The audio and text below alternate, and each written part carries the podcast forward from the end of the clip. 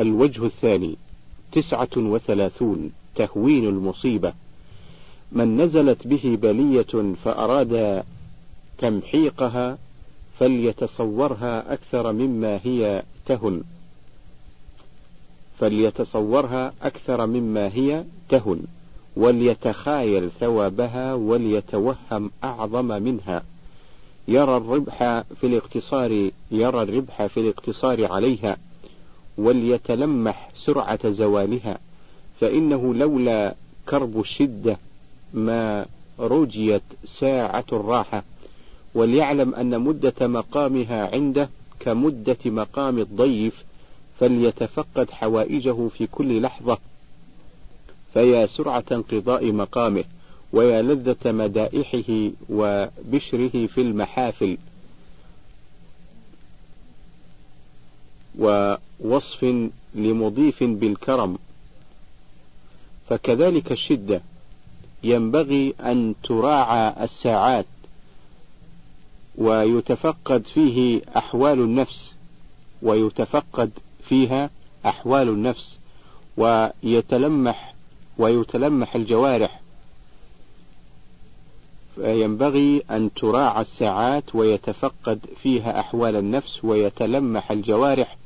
مخافة أن يبدو من اللسان كلمة أو من القلب تسخط فكأن قد لاح فجر الأجر فانجاب ليل البلاء ومدح السار بقطع الدجى.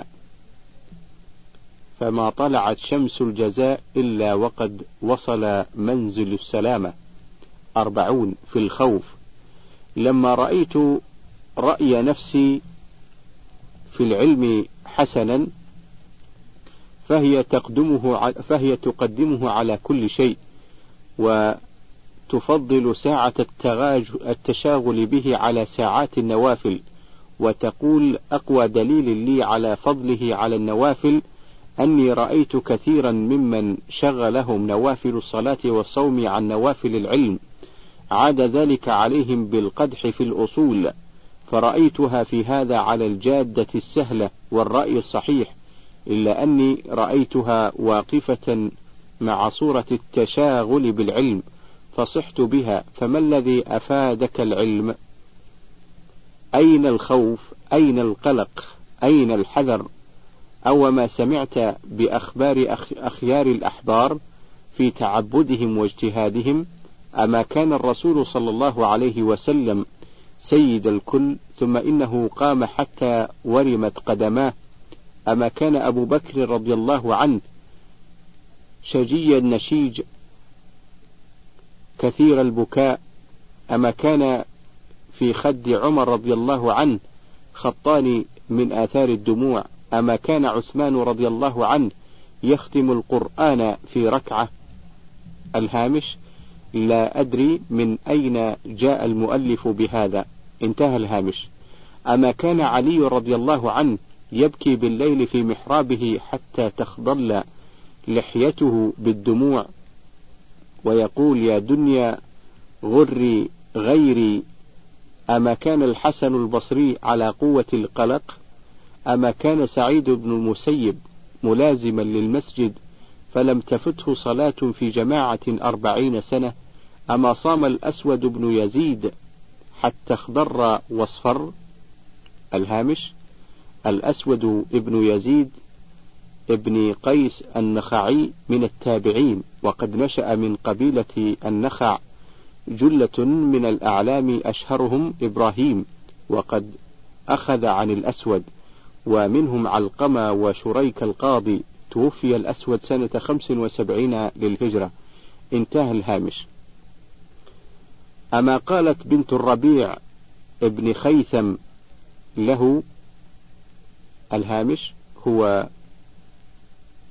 هو الربيع بن خيثم تابعي متعبد أخذ عنه الشعبي وإبراهيم النخعي توفي سنة أربع وستين للهجرة. انتهى الهامش. أما قالت بنت الربيع بن خيثم له ما لي أرى الناس ينامون وأنت لا تنام فقال إن أباك يخاف البيات.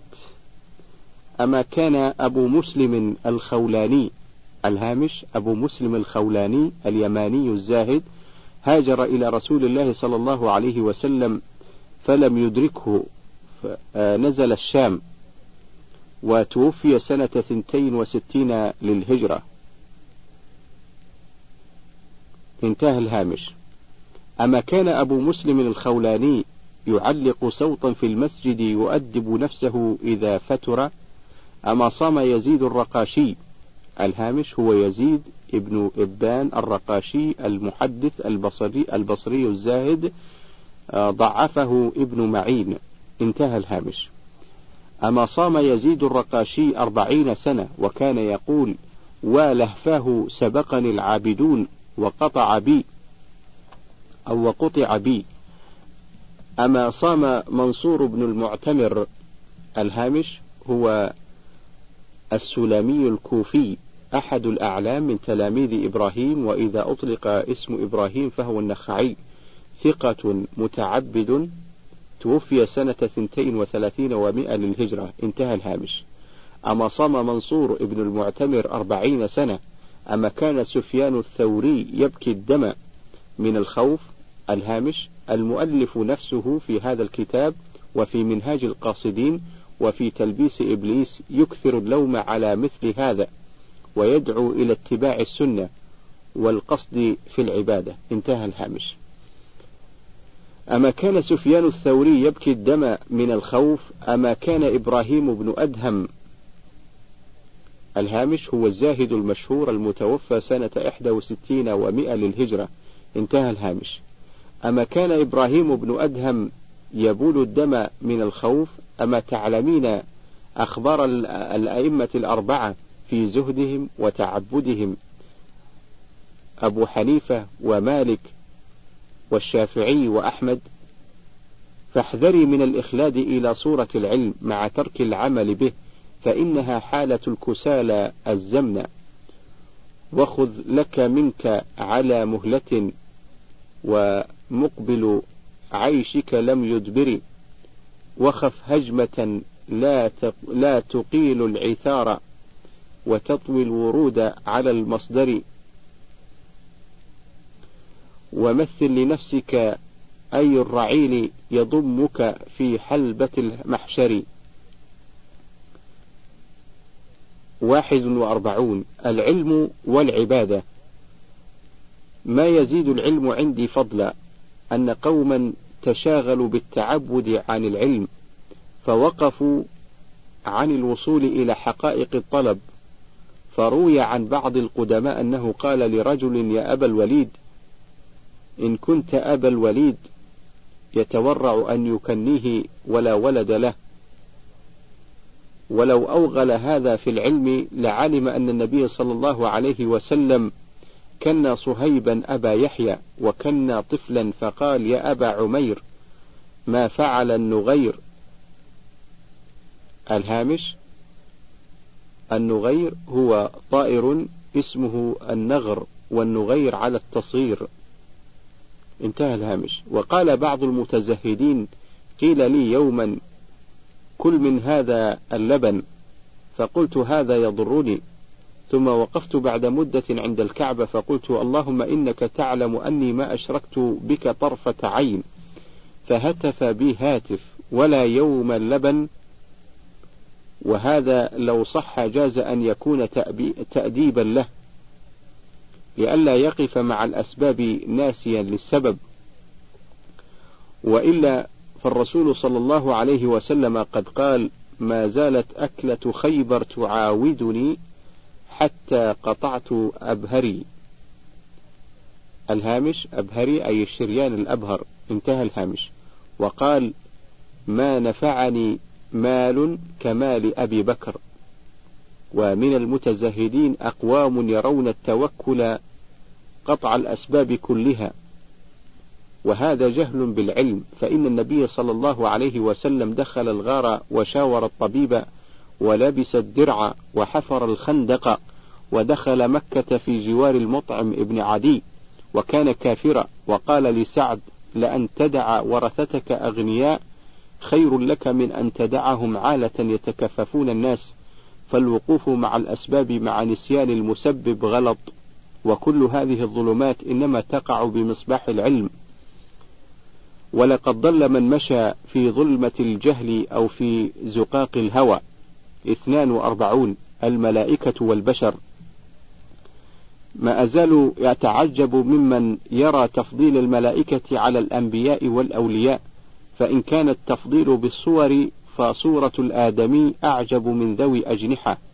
وإن تركت صورة الآدمي لأجل أوساخها المنوطة بها فالصورة ليست الآدمي إنما هي قالب ثم قد استحسن منها ثم قد استحسن منها ما يستقبح في العادة مثل خلوف فم الصائم ودم الشهداء والنوم في الصلاة فبقيت صورة فبقيت صورة معمورة وصار الحكم للمعنى.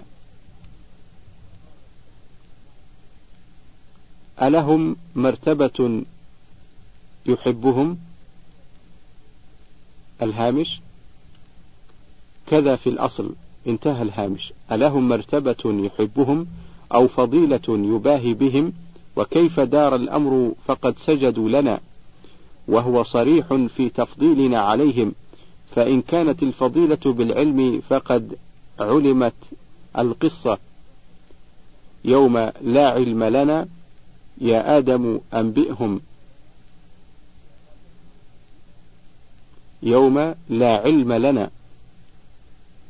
يا آدم أنبئهم وإذا فضلت الملائكة بجوهرية ذواتهم فجوهرية أرواحنا من ذلك الجنس وعلينا أثقال أعباء الجسم.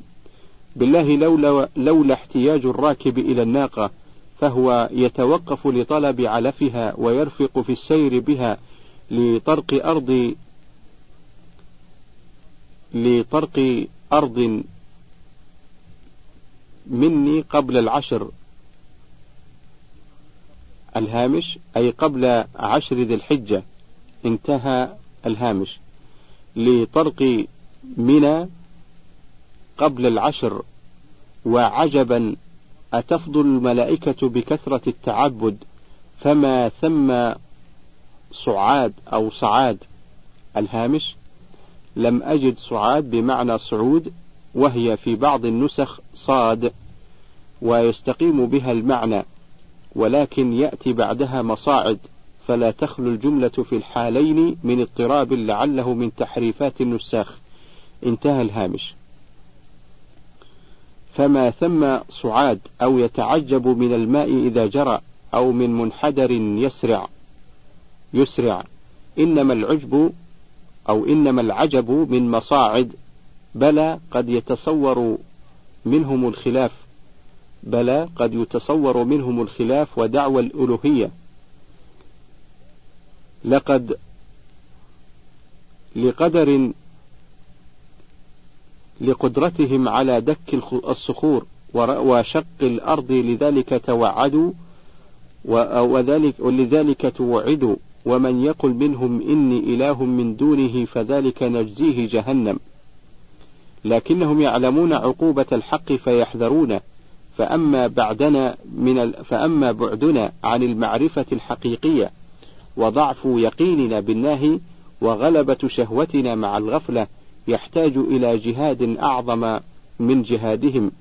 تالله لو ابتلي أحد المقربين بما ابتلين به لم يقدر على التماسك يصبح أحدنا وخطاب الشرع يقول له اكسب لعائلتك واحذر في كسبك وقد تمكن منه ما ليس من فعله كحب الأهل وعلوق الولد بنياط القلب واحتياج بدنه إلى ما لا بد منه. فتارة يقال للخليل عليه السلام اذبح ولدك بيدك واقطع ثمرة فؤادك بكفك ثم قم إلى المنجنيق لترمى في النار.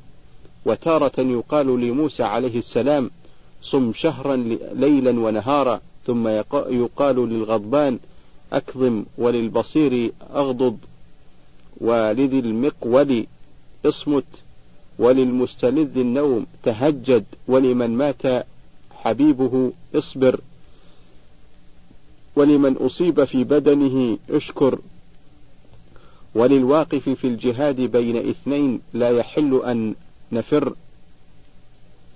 ثم اعلم أن الموت يأتي بأصعب المرارات فينزع الروح عن البدن فإذا نزل فاثبت.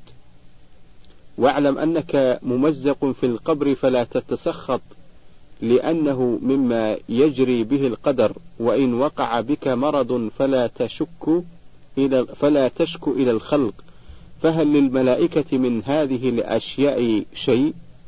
وهل ثم إلا عبادة ساذجة ليس فيها مقاومة طبع ولا رد هوى وهل هي إلا عبادة صورية بين ركوع وسجود وتسبيح فأين عبادتهم المعنوية من عبادتنا؟ ثم أكثرهم في خدمتنا بين كتبة علينا ودافعين عنا ومسخرين لإرسال الريح والمطر وأكبر وظائفهم الاستغفار لنا فكيف يفضلون عنا بلا علة ظاهرة؟ أما حكت على محك التجارب ومنهم هاروت وماروت. أما حكت على محك التجارب ومنهم هاروت وماروت فخرجوا أقبح من بهرج. الهامش هاروت وماروت عند كثير من المفسرين لم يكونا من الملائكة. يؤيد هذا قراءة الملكين بكسر اللام. يؤيد هذا قراءة الملكين بكسر اللام. وما أدري كيف يصفهم المؤلف بمثل هذا. والله يصفهم بأنهم عباد مكرمون. وهذه أمور سبعية لا مجال للعقل فيها ولم يرد فيها نص صريح والسكوت عن الكلام فيها أولى. انتهى الهامش. ولا تظنن أني أعتقد في تعبد الملائكة ولا تظنن أني أعتقد في ظن الملائكة نوع تقصير لأنهم شديدو الإشفاق والخوف لعلمهم بعظمة الخالق لكن طمأنينة من لم يخطئ تقوي نفسه. وانزعاج وانزعاج الغائص في الزلل يرقي روحه يرقي روحه إلى التراقي. فاعرفوا إخواني شرف أقداركم وصونوا جواهركم عن تدنيسها بلوم الذنوب فأنتم معرض الفضل على الملائكة فاحذروا أن تحطكم الذنوب إلى حضيض البهائم ولا حول ولا قوة إلا بالله العلي العظيم. ثلاثة وأربعون النجاة في التسليم. رأيت كثيرا من الخلق وعالما من العلماء لا ينتهون عن البحث عن أصول الأشياء التي أمروا بعلم جلها ومن غير بحث عن حقائق ومن غير بحث عن حقائقها كالروح مثلا. فالله تعالى سترها بقوله قل الروح من أمر ربي فلم يقنعوا وأخذوا يبحثون عن ماهيتها ولا يقعون بشيء ولا يثبت لأحد منهم ولا يثبت لأحد منهم برهان على ما يدعيه وكذلك العقل فإنه موجود بلا شك كما أن الروح موجودة بلا شك. كلاهما يعرف بآثاره لا بحقيقة ذاته. فإن قال قائل فما السر في كتم هذه الأشياء؟ قلت لأن النفس ما تزال تترقى في حالة إلى حالة. ما لأن النفس ما, ما تزال تترقى من حالة إلى حالة. فلو اطلعت على هذه الأشياء لترقت إلى خالقها فكان ستر ما دونه زيادة في تعظيمه لأنه إذا كان بعض مخلوقاته يعلم جملة فهو أجل وأعلى. ولو قال قائل ما الصواعق وما البرق وما, وما الزلازل قلنا شيء مزعج ويكفي.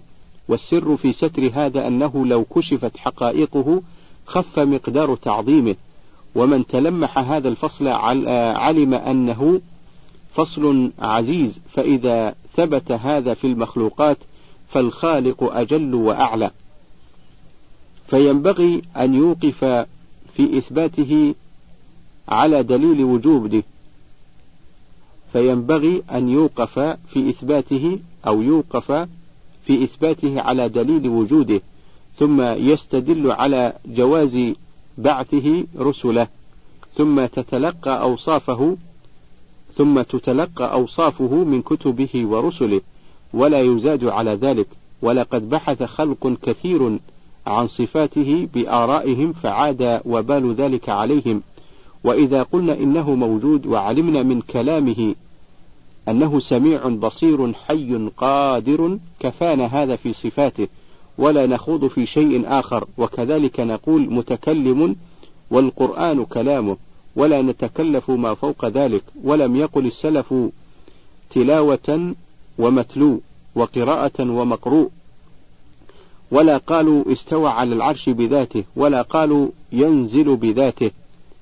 الهامش هذا هو الحق ومن أراد اتباع السلف آمن بما جاء من عند الله على مراد الله ففوض وأول ما لا يفهمه العربي إلا مؤولا وشرح هذا في كتاب تعريف عام بدين الإسلام.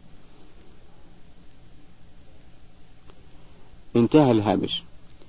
بل أطلقوا ما ورد من غير زيادة. وهذه كلمات كالمثال فقس عليها جميع الصفات تفز سليما من تعطيل متخلصا من تشبيه. أربعة وأربعون غفلة الخلق. رأيت أكثر الخلق في وجودهم كالمعدومين فمنهم من لا يعرف الخالق ومنهم من يثبته على مقتضى حسه. ومنهم من لا يفهم المقصود من التكليف فترى المتوسمين بالزهد يدأبون في القيام والقعود ويتركون الشهوات. وينسون ما قد أنسوا به من شهوة الشهرة وتقبيل الأيادي ولو كلم أحدهم لقال ألمثلي يقال هذا؟ ومن فلان الفاسق؟ فهؤلاء لا يفهمون المقصود وكذلك كثير من العلماء في احتقارهم غيرهم والتك والتكبر في نفوسهم. فتعجبت كيف يصلح هؤلاء لمجاورة الحق وسكن الجنة. فرأيت أن الفائدة في وجودهم في الدنيا تجانس الفائدة في دخولهم الجنة فإنهم في الدنيا بين معتبر به يعرف عارف الله سبحانه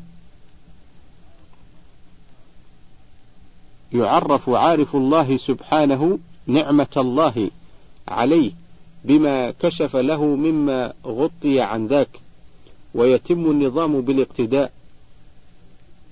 تصور أولئك فإن العارف لا يتسع وقته لمخالطة من يقف مع الصورة فالزاهد كراعي البهم والعالم كمؤدب الصبيان والعارف ملقن الحكمة ولولا نفاط الملك وحارسه ووقاد أتونه ما تم عيشه. الهامش قوله ولولا نفاط أي الموكل بالنفط. انتهى الهامش. ولولا نفاط الملك وحارسه ووقاد أتونه ما تم عيشه. فمن فمن تمام عيش العارف استعمال أولئك بحسبهم. فإذا وصلوا إليه حرر مانعهم. وفيهم من لا يصل إليه فيكون وجود أولئك كزيادة لا في الكلام هي حشو وهي مؤكدة فإن قال قائل فهب هذا يصح في الدنيا فكيف في الجنة؟ والجواب إن الأنس بالجيران مطلوب ورؤية القاصر من تمام لذة الكامل. ولكل شرب. ومن تأمل ما أشرت إليه كفاه ومن تأمل ما أشرت إليه كفاه رمز لفظي عن تطويل الشرح. انتهى الهامش. تأملت فرأيت أن هذا الرمز لم يكفي وأن كان خيرا لو آه، عمد إلى تطويل الشرح وإن كان خيرا لو عمد إلى تطويل الشرح. انتهى الهامش. خمسة وأربعون. معرفة الله.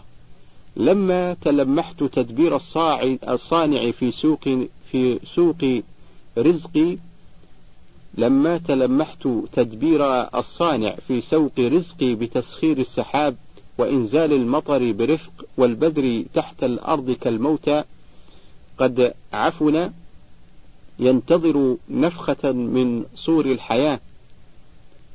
فإذا به اهتز خضرا ثم إذا انقطع عنه الماء مد يد الطلب يستعطي وأمال رأسه خاضعا ولبس حلل التغير فهو محتاج إلى ما أنا محتاج إليه من حرارة الشمس وبرودة الماء ولطف النسيم وتربية الأرض. فسبحان من أراني فيما يربيني به. فسبحان من أراني فيما يربيني به كيف تربيتي في الأصل. فيا أيتها النفس التي قد اطلعت على بعض حكمه. قبيح بك والله الإقبال على غيره ثم العجب كيف تقبلين على فقير مثلك؟ يناديني لسان حاله بي مثل ما بك يا حمام. فارجعي إلى الأصل الأول. واطلبي من المسبب ويا طوبى لك أن عرفتيه فإن عرفانه ملك الدنيا والآخرة. ستة وأربعون. تحذير الإخوان. كنت في بداية الصبوة. قد ألهمت أو قد ألهمت سلوك طريق الزهاد بإدامة الصوم والصلاة وحببت إلي الخلوة فكنت أجد قلبا طيبا وكانت عين بصيرتي قوية الحد الحدة تتأسف على لحظة تمضي في غير طاعة. وتبادر الوقت في اغتنام الطاعات. ولي نوع أنس وحلاوة ولي نوع أنس وحلاوة مناجاة. فانتهى الأمر إلى أن صار بعض ولاة الأمور يستحسن كلامي. فأمالني إليه فمال الطبع. ففقدت تلك الحلاوة ثم استمالني آخر. فكنت أتقي مخالطته ومطاعمه لخوف الشبهات. وكانت حالي قريبة ثم جاء التأويل فانبسطت فيما فانبسطت فيما يباح فعدم ما كنت أجد وصارت المخالطة توجب ظلمة القلب إلى أن عدم النور كله فكان حنيني إلى ما ضاع مني يوجب انزعاج أهل المجلس فيتوبون ويصلحون وأخرج مفلسا فيما بيني وبين حالي. وكثر ضجيجي من مرضي وعجزت وعجزت عن طب نفسي فلجأت إلى قبور الصالحين. الهامش أي لزيارتها الزيارة المشروعة والاعتبار بها. أي لزيارتها الزيارة المشروعة والاعتبار بها. انتهى الهامش. وتوسلت في صلاحي فاجتذبني لطف مولاي بي إلى الخلوة على كراهة مني. ورد قلبي علي بعد نفوره مني ورد قلبي علي بعد نفوره مني وأراني عيب ما كنت أؤثره فأفقت من مرض غفلتي وقلت في مناجاة خلوتي سيدي كيف أقدر على شكرك؟ وبأي لسان أنطق بمدحك؟ إذ لم تؤاخذني على غفلتي ونبهتني من رغدتي وأصلحت حالي على كره من طبعي فما أربحني فيما سلب مني إذا إذا إذ كانت ثمرته اللجأ إليك إذ كانت ثمرته اللجأ إليك وما أوفر جمعي إذ ثمرته إقبالي على الخلوة بك وما أغناني إذ أفقرت إذ أفقرتني إليك. وما وما آنسني إذ أوحشتني من خلقك آه على زمان ضاع في غير خدمتك أسفا لوقت مضى في غير طاعتك. قد كنت إذا انتبهت وقت الفجر لا يؤلمني نومي طول الليل وإذا انسلخ عني النهار لا يوجعني ضياع ذلك اليوم. وما علمت أن عدم الإحساس لقوة المرض فالآن قد هبت نسائم العافية فأحسست بالألم فاستدللت على الصحة. فيا عظيم الإنعام. فيا عظيم الأنعام أو الإنعام تمم لي العافية. آه من سكر لم يعلم قدر عربدته إلا في وقت الإفاقة. لقد فتقت ما يصعب رتقه. لقد فتقت ما يصعب رتقه. فوأسفا على بضاعة ضاعت وعلى ملاح تعب في موج الشمال مصاعدا مدة ثم غلبه النوم فرد إلى مكانه الأول.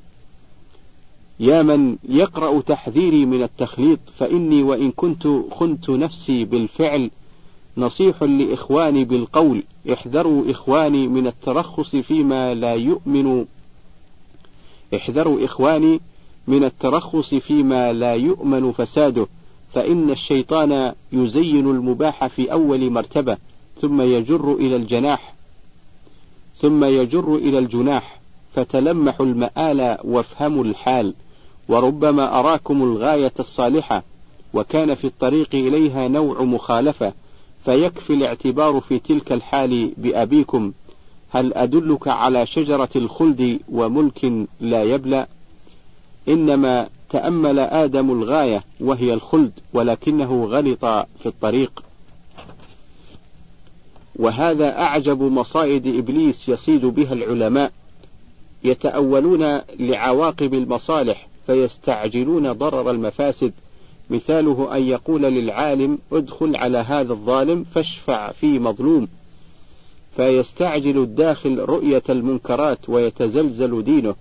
وربما وقع في شرك صار به أظلم من ذلك الظالم. فلم فمن لم يتق بدينه فليحذر من المصائد فإنها خفية. وأسلم ما للجبان العزلة خصوصا في زمان قد مات فيه المعروف وعاش المنكر ولم يبقى لأهل العلم وقع عند الولاة. فمن داخلهم دخل معهم فيما لا يجوز. ولم يقدر على جذبهم مما هم فيه. ثم من تأمل الذين يعملون لهم في الولايات يراهم منسرخين من نفع العلم قد صاروا كالشرط. فليس إلا العزلة عن الخلق والإعراض عن كل تأويل فاسد في المخالطة ولأن أنفع ولأن أنفع نفسي وحدي خير لي من أنفع غيري وأتضرر. فالحذر الحذر من خوادع التأويلات وفواسد الفتاوى. والصبر الصبر على ما توجبه العزلة. الهامش الحق في أمر العزلة ما جاء في الإحياء وما ذكره المؤلف في الكتاب الذي اختصره فيه وهو منهاج القاصدين. وقد تكون العزلة مطلوبة لناس دون ناس وفي زمان دون زمان. وانظر الفصل الرابع والعشرين والثامن والأربعين والثاني والثمانين والواحد والتسعين من هذا الكتاب.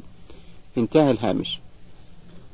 والصبر الصبر على ما توجبه العزلة فإنه إن انفردت فإنه إن انفردت بمولاك فتح لك باب معرفته فهان كل صعب وطاب كل مر وتيسر كل عسر وحصلت كل مطلوب وحصلت كل مطلوب والله الموفق بفضله ولا حول ولا قوة إلا به. سبعة وأربعون في الورع. تأملت على نفسي تأويلا في مباح أنال به شيئا من الدنيا إلا أنه في باب الورع كدر. فرأيته أولا قد احتلب در الدين فذهبت فذهبت حلاوة المعاملة لله تعالى. ثم عاد فقلص ضرع حلبي له فوقع الفقد للحالين. فقلت لنفسي ما مثلك أو ما مثلك إلا كمثل وال ظالم جمع من غير حله فصودر فأخذ منه الذي جمع وألزم ما لم يجمع. فالحذر الحذر من فساد التأويل فإن الله تعالى لا يخادع. ولا ينال ما عنده بمعصيته. ثمانية وأربعون من حديث النفس. رأيت نفسي كلما صفى فكرها أو اتعظت بدارج أو زارت قبور الصالحين تتحرك همتها في طلب العزلة والإقبال على معاملة الله تعالى. فقلت لها يوما وقد كلمتني في ذلك حدثيني ما مقصودك وما نهاية مطلوبك؟ أتراك تريدين مني أن أسكن قفرا لا أنيس به فتفوتني صلاة الجماعة ويضيع مني ما قد علمته لفقد من أعلمه؟ وأن آكل الجشب الذي لم أتعود الهامش؟ الجشب الخلط من الطعام. الجشب أي الخلط من الطعام. انتهى الهامش. وأن آكل الجشب الذي لم أتعوده فيقع نضوى طلحا. الهامش طلح البعير فهو أو طلح البعير فهو طلح أي أعيا وتعب والنضو المهزول. انتهى الهامش. فيقع نضوى طلحة في يومين وأن ألبس الخشن الذي لا أطيقه فلا أدري من كرب محمولي أين أنا. وأن أتشاغل عن طلب ذرية تتعبد بعدي مع بقاء القدرة على الطلب بالله. ما نفعني العلم الذي بذلت فيه عمري إن وافقتك. وأنا أعرفك غلط ما وقع لك بالعلم. وأنا أعرفك غلط ما وقع لك بالعلم. اعلمي أن البدن مطية والمطية إذا لم يرفق بها لم تصل براكبها إلى المنزل. وليس مرادي بالرفق وليس مرادي بالرفق الإكثار من الشهوات وإنما أعني أخذ البلغة الصالحة للبدن فحينئذ يصفو الفكر. ويصح العقل ويقوى الذهن. ألا ترى إلى تأثير المعوقات عن صفاء الذهن؟ في قوله عليه الصلاة والسلام لا يقضي القاضي بين اثنين وهو غضبان. وقاس العلماء على ذلك الجوع وما يجري مجراه من كونه حاقنا أو حاقبا. الهامش الحاقن بالبول والحاقب بالغائط. انتهى الهامش. وهل الطبع إلا ككلب يشغل الآكل فإذا رمى له ما يتشاغل به طاب له الأكل. فأما الانفراد والعزلة فعن فعن الشر لا عن الخير. ولو كان فيها لك وقع خير لنقل ولو كان فيها لك وقع خير لنقل عن رسول الله صلى الله عليه وسلم وعن أصحابه رضي الله عنهم. هيهات لقد عرفت أن أقواما دام بهم التقلل واليبس إلى أن تغير فكرهم وقوي الخلط السوداوي عليهم فاستوحشوا من الناس. ومنهم من اجتمعت له من المآكل الردية أخلاط مجة فبقي اليوم واليومين والثلاثة لا يأكل وهو يظن ذلك من إمداد اللطف أو من أمداد اللطف. وإذا به من سوء الهضم وفيهم من ترقى به الخلط إلى رؤية الأشباح فيظنها الملائكة فالله الله في العلم والله الله في العقل فإن نور العقل لا ينبغي أن يتعرض بإطفائه. والعلم لا يجوز الميل إلى تنقيصه فإذا حفظ حفظ وظائف الزمان ودفع ما يؤذي وجلب ما, ما يصلح وصارت القوانين مستقيمة في المطعم والمشرب والمخالطة. فقالت لي النفس فوظف لي وظيفة واحسبني مريضا. فقالت لي النفس فوظف لي وظيفة واحسبني مريضا. قد كتبت قد كتبت له شربة. فقلت لها قد دللتك على العلم وهو طبيب ملازم. يصف كل لحظة لكل داء يعرض دواء يلائم. وفي الجملة ينبغي لك ملازمة تقوى الله عز وجل في المنطق والنظر وجميع الجوارح وتحقق الحلال في المطعم. وإيداع كل لحظة ما يصلح لها من الخير ومناهبة الزمان في الأفضل ومجانبة ما يؤدي إلى ما يؤذي من نقص ربح أو وقوع خسران. ولا تعملي عملا إلا بعد تقديم النية. وتأهبي لمزعج الموت فكأن قدي الهامش أي فكأنه قد جاء. انتهى الهامش. وما عندك من مجيئه في أي وقت يكون ولا تتعرضي لمصالح البدن بل وفريها عليه وناوليه إياها على قانون الصواب لا على مقتضى الهوى. فإن إصلاح البدن سبب لإصلاح الدين. ودع الرعونة التي يدل عليها الجهل للعلم من قول النفس فلان يأكل الخل والبقل وفلان لا ينام الليل فاحملي ما تطيقين. الهامش هذا هو الحق لا ما جرى إليه القلم في الفصل الأربعين. انتهى الهامش. وما قد علمت قوة البدن عليه فإن البهيمة إذا أقبلت إلى نهر أو ساقية فضربت لتقفز لم تفعل حتى تزن نفسها فإن علمت فيها قوة فإن علمت فيها قوة الطفر طفرت الهامش أي الوثب الطفر أي الوثب انتهى الهامش. وإن علمت أنها لا تطيق لم تفعل ولو قتلت. وليس كل الأبدان تتساوى في الإطاقة ولقد حمل أقوام من المجاهدات في بداياتهم أشياء أوجبت أمراضا قطعتهم عن خير وتسخطت قلوبهم بوقوعها. فعليك بالعلم فإنه شفاء من كل داء والله الموفق. تسعة وأربعون. الرد على المشبهة. عجبت من أقوام يدعون العلم ويميلون إلى التشبيه بحملهم الأحاديث على ظواهرها. فلو أنهم أمروها كما جاءت سلموا لأن من أمر ما جاء من غير اعتراض ولا تعرض فمن قال شيئا لا له ولا عليه ولكن أقواما قصرت علومهم فرأت أن حمل الكلام على غير ظاهره نوع فرأت أن حمل الكلام على غير ظاهره نوع تعطيل ولو فهموا سعة اللغة لم يظنوا هذا وما هم إلا بمثابة قول الحجاج لكاتبه وقد مدحته الخنساء فقالت إذا هبط الحجاج أرضا مريضة تتبع أقصى دائها فشفاها شفاها من الداء العضال الذي بها غلام إذا هز القناة شفاها.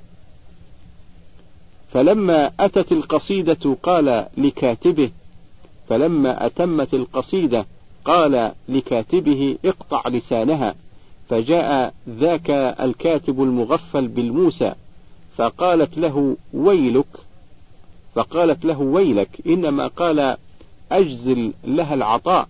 ثم ذهبت إلى الحجاج فقالت كاد والله يقطع مقولي أو مقولي. فكذلك الظاهرية الذين لم يسلموا بالتسليم فإنه من قرأ الآيات والأحاديث ولم يزد لم ألمه وهذه طريقة السلف.